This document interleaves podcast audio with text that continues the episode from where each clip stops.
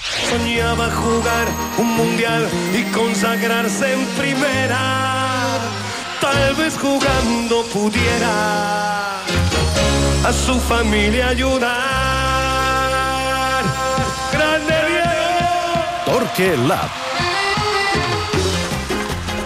Ricard Torquemada, bona tarda. Bona tarda. Avui havíem convocat el Torque Lab amb la missió de resoldre com compensar defensivament el factor Cancelo, però faig la prèvia, ara tom sí. de la informació del Salmurri, Sí, sí. que ja veus que no és un problema estructural, sinó d'eficàcia. Saps què passa? Que a vegades traiem conclusions de, de, de pocs partits, perquè el problema d'eficàcia a les àrees contra el Porto el va tenir el Porto. És a dir, si el Porto està eficaç a les àrees, perds aquell partit. Eh, ahir no, ahir passa el que explicava el, el Salmo que creuen el, el vestidor. És a dir, que jo crec que no hi ha una tesi general sobre què li està passant al Barça. No crec que sigui una temporada especialment on el Barça s'estigui estavellant eh, contra la rematada o contra l'eficàcia. Jo, jo, jo crec que jo crec que no, no, no podem trobar cinc partits i agrupar-los en aquest sac. Eh, el dia del Celta, el Celta va fallar oportunitats claríssimes, mm. també. Vull dir que no, no, no crec que sigui una temporada de, de problemes a les àrees sota el meu punt de vista. Eh? Vull dir, vull dir perquè tinc, tenim molt present el partit del Porto, que jo crec que és el partit on el Barça ha estat més impotent i que guanya el partit amb molt poca presència a l'àrea rival i Araujo, Koundé i Ter Stegen resolen situacions d'emergència la segona part, sobretot de manera, de manera freqüent. Per tant, la... el problema d'eficàcia és la mirada que tenen al vestidor, cosa que és absolutament respectable. Sí, perquè, és... perquè ahir, ahir jo crec que sí que és claríssim, que és un, per, per mi, eh? Per mi jo crec que ahir és un problema de contundència a les àrees. Jo crec que, com explicàveu abans, el Granada eh, és molt efectiu i el Barça ho és poc. Però vull dir, aquesta és una mirada molt curta del partit d'ahir, no? No crec que agrupi la, el, el que ha estat generalment aquest inici de temporada del Barça, que sí que ha tingut altres trets en comú, que són la primera part que heu fet de la tertúlia, que jo crec que és el problema eh, defensiu, estructural i com els rivals ja ho han passigat i han creat aquest dos contra dos que diu el Salmo, que és veritat que arriba de pèrdues de pilota, però és que aquest equip té tendència a perdre la pilota. Eh? Vull dir que no, no, no ho netejarem gaire ràpid. I la temporada passada teníem una xarxa de seguretat que aquesta temporada no, el Barça no té. Efectivament, la temporada passada també es perdien moltes pilotes. Recordareu que van fer famosa la paraula pulcritud mm. i, i així tot el Barça no rebia tants gols com rep ara mateix. També sabem que eh, la idea és no renunciar cosa que a mi em sembla bé, baix cap concepte, els dos laterals que, que tens, a Cancelo i a Valde, dos laterals de recorregut ofensiu, a més a més de, de nivell, per tant, com, com compensem defensivament l'impacte que té en l'equip jugar amb dos laterals tan, tan, amb una vocació tan ofensiva? Home, la veritat és que jo crec que hi ha poques solucions. Entenc que la jerarquia de Valde i de Cancelo s'imposi i que ara mateix siguin jugadors indiscutibles, però tinc moltes ganes de veure els primers partits eh, grossos del Barça, perquè jo crec que Xavi està obligat i, i ell n'és conscient a intervenir-hi tàcticament perquè ara mateix eh, el Barça està exposadíssim defensivament. Jo crec que no hem arribat a, a treballar el microdetall, quan vull dir el microdetall vull dir les qüestions tàctiques de molt rigor, eh, sobretot eh, amb la nova estructura. Cancelo va arribar l'endemà gairebé, com qui diu, es va posar a jugar perquè coneix aquest rol i ha anat encadenant partits, però no hi ha hagut temps per, diríem que, eh, filar prim. I, i quan t'exposes tant defensivament perquè vols tenir tanta presència en pilota, tanta gent per dintre i tant control del partit des de la disposició de la pilota eh, t'has de protegir. I, i jo crec que primer falta una mica de recorregut i treball tàctic per filar prim i després una altra situació és que jo no m'imagino que el Barça jugui aquests partits grossos ara mateix només amb dos defenses, eh, com explicava abans la, la Marta. O sigui, jo crec que això eh, ara mateix, és que queden 15 dies de seleccions que no pots treballar gaire, de mm. cop i volta trobes el partit de l'Atlètic Club i tens la setmana de Shakhtar i Madrid. Eh, clar, és veritat que s'ha lesionat Condé i hem de veure com, com està el Barça, diríem, de jerarquia defensiva amb futbolistes com Íñigo, però el més lògic és pensar que el Barça torni a defensar amb tres centrals i que juguin els dos laterals. Uh -huh. Jo crec que aquesta podria ser una, l'única solució que s'ha vingut si no vol sacrificar Valde, perquè jo crec que ara mateix seria més fàcil eh, sacrificar Valde que no pas Cancelo, però és que Valde al Barça li dona tant a la banda esquerra que es fa, es fa difícil pensar prescindir d'ell. Per tant, jo, jo diria que la primera via és la de, la de tenir tres defenses i tenir els dos laterals al camp. Uh -huh.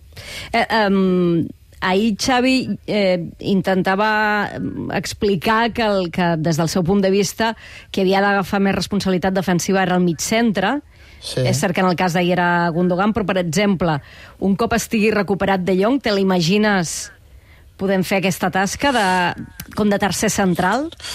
Mm, jo crec que De Jong necessita moviment, llibertat i és poc posicional i el mig centre que ha d'ajudar els centrals per tancar i que ha d'estar pendent de vigilàncies ha de ser un jugador que domini molt la posició per tant no m'ho imagino ho vinculo al que estava explicant quan dic que juguin els tres centrals i els dos laterals no estic dient jugar amb tres centrals i dos carrilers estic dient que un dels migcampistes sigui Cancelo ah.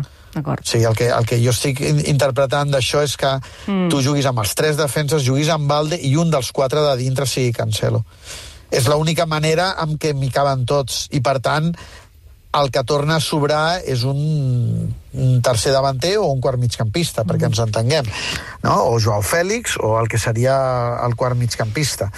Eh, aquesta és la, la, la primera solució, perquè l'altra possible solució eh, és que giris l'equip i que Cancelo et pugui donar amplitud a la banda dreta, Valde sigui el sacrificat, i, i aleshores l'extrem que obri la banda en atac sigui l'esquerra, però és que això el Barça no ho ha fet mai i em costa pensar cada cop i volta no, i aparegui tens... que estàs sota la màniga. No, el perfil de jugadors d'extrem que tens són més aviat de la dreta. Bé, perquè són esquerrans els dos, mm. però això no vol dir que no puguin obrir el camp, el poden obrir yeah. perfectament, el que passa que ells se senten més incòmodes perquè tenen la porteria més lluny al seu punt fort, troben menys associació perquè la sortida per fora els allunya de, de la zona de trànsit i de la porteria.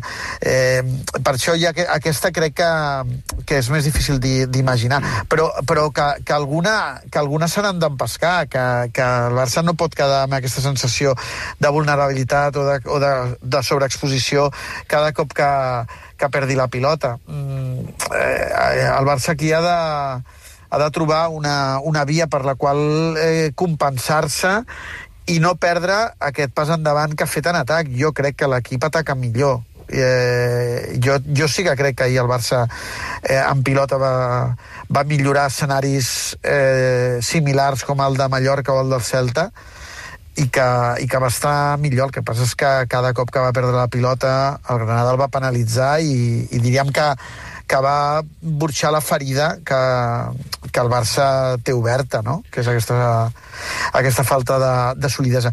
He estat mirant la temporada passada, mm. la temporada passada el Barça fins a finals d'octubre no troba el quart migcampista. Ho dic perquè som en aquesta època d'actualització del pla ahora, inicial. Sí, ahora, justo ahora, es, es decir, en la novena jornada pierde el Barça contra el Madrid 3-1 en el Bernabéu y a partir de ahí abandona los dos extremos que eran el mítico Dembélé, el mítico Dembélé i Rafinha i a partir... eh, no, dir, vull dir, no comencem amb aquests temes. No, no, no, el mítico, de, el, mítico, sí, mítico Dembélé sí, i Rafinha. Sí. El feminisme, avui no hi ha bromes, el feminisme, si s'abraça el feminisme, no, no, no. avui no hi ha broma. No. Demà ens abraçarem no, el feminisme. No, pero me refiero que es justo ahora, en la novena jornada, donde el Barça lleva prácticamente los mismos puntos que ahora, entonces lleva 22, ahora lleva 21, eh, realmente es, es muy parecido, son siete victorias, un empate y la derrota del Bernabéu, y ahora son seis victorias y tres empates, y és justo cuando Xavi abandona la fórmula de los dos extremos i apuesta per los cuatro centrocampistas. Doncs potser toca l'actualització d'aquesta temporada justament en aquest espai i prèvia a partits importants. Eh, com deies, Jordi, Atlètic Club Madrid són equips que ja estan a la part alta. Real Sociedad. I el segon tram de la Champions també, no? I a part, l'Atlètic Club un equip que en teoria t'exigirà amb dos extrems, és a dir, com a mínim amb tres tios a, a dalt. Bé, veurem com, com ho reformula. T'haig de dir, Ricard, que cap de les fórmules que, que has proposat m'agrada, eh? perquè prescindir de Valde no em va rufa, prescindir de Joao Fèlix ja sabeu el que pensava jo de Joao Fèlix, però ara mateix Ara, ara. ara. no ho veig. Va, per mi, ahir, amb permís de la Min, va ser el millor del... El que passa que ara mateix amb les lesions que, té, que tens no està malament que et quedi com a mínim un davanter a la banqueta. Claro. És que si no... Ja, tienes- Si pot, estar, si pot ser si sí, Per aportar recursos, eh? I estem esperant a que, que aparegui. Si deixem els pocs bons que ens queden a la banqueta... Clar, la banqueta és Sabeu- millor, efectivament, la banqueta sa- és millor. Sabeu però- què passa? Que quan comencem a fer l'equip volem quatre migcampistes perquè són els bons. Volem un davanter centre i un extrem Clar. perquè ens agraden. I volem tenir un defensa més. Ens en surten 12. Sí, No, no. Sí, sí. O 13. 4-3-3. No, no, però que igual que l'any passat vas trobar...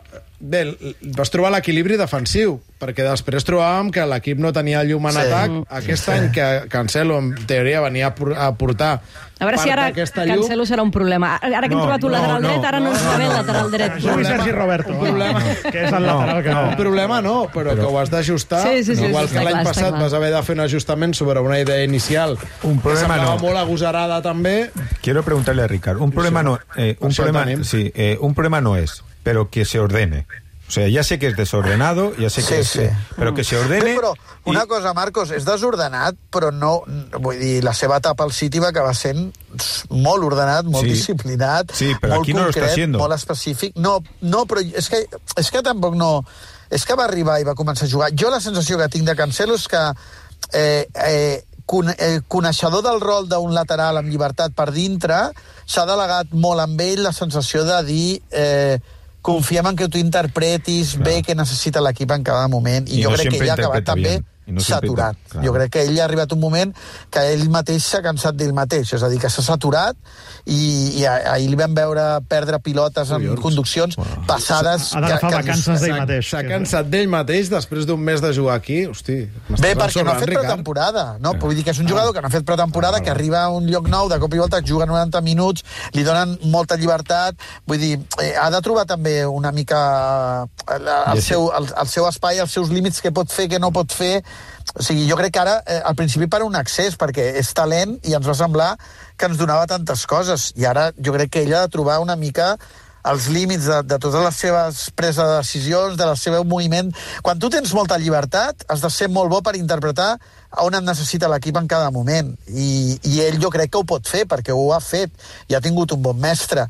Ara en té un altre, doncs es tracta de- d'encaixar-se. De, Y el tránsito de la libertad al libertinaje es muy corto. Amb aquesta frase, Aquesta frase és irrebatible. immillorable, eh? Sí. Va, abans de- d'acabar, Ricard, més enllà de, del que seria nominalment... Lo entendido, ¿no? Que Sí, home, sí, sí, va, sí, va, sí. va, va. Això ho deia García. No es lo mismo libertad que libertinaje. Pues ya está.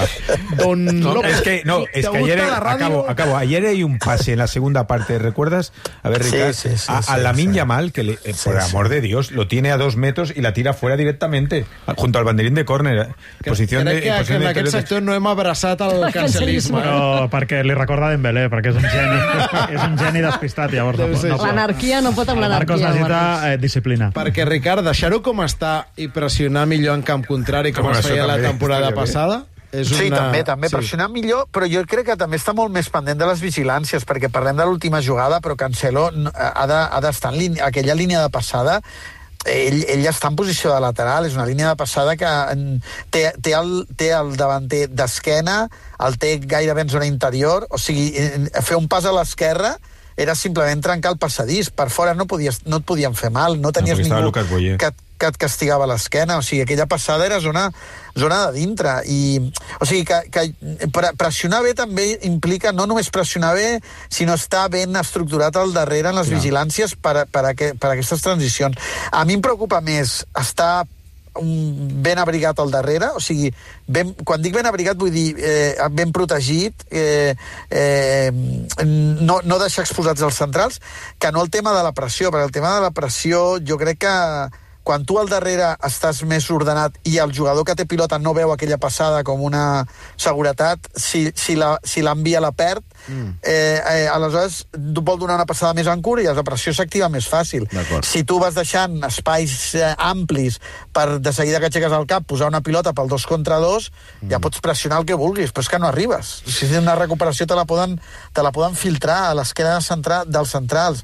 O sigui que tu, per pressionar, has de buscar que ells hagin de fer una passada més. I perquè hagin de fer una passada més, ells no han de veure que en un, amb un llunyat poden fer mal. Jo, jo crec que, que això va tot vinculat. Doncs està, està ben vist, tot i la meva obsessió pel fet que el Barça em sembla que pressiona o ha perdut una de les coses que feia molt bé l'any passat, que era mossegar a prop de l'àrea rival.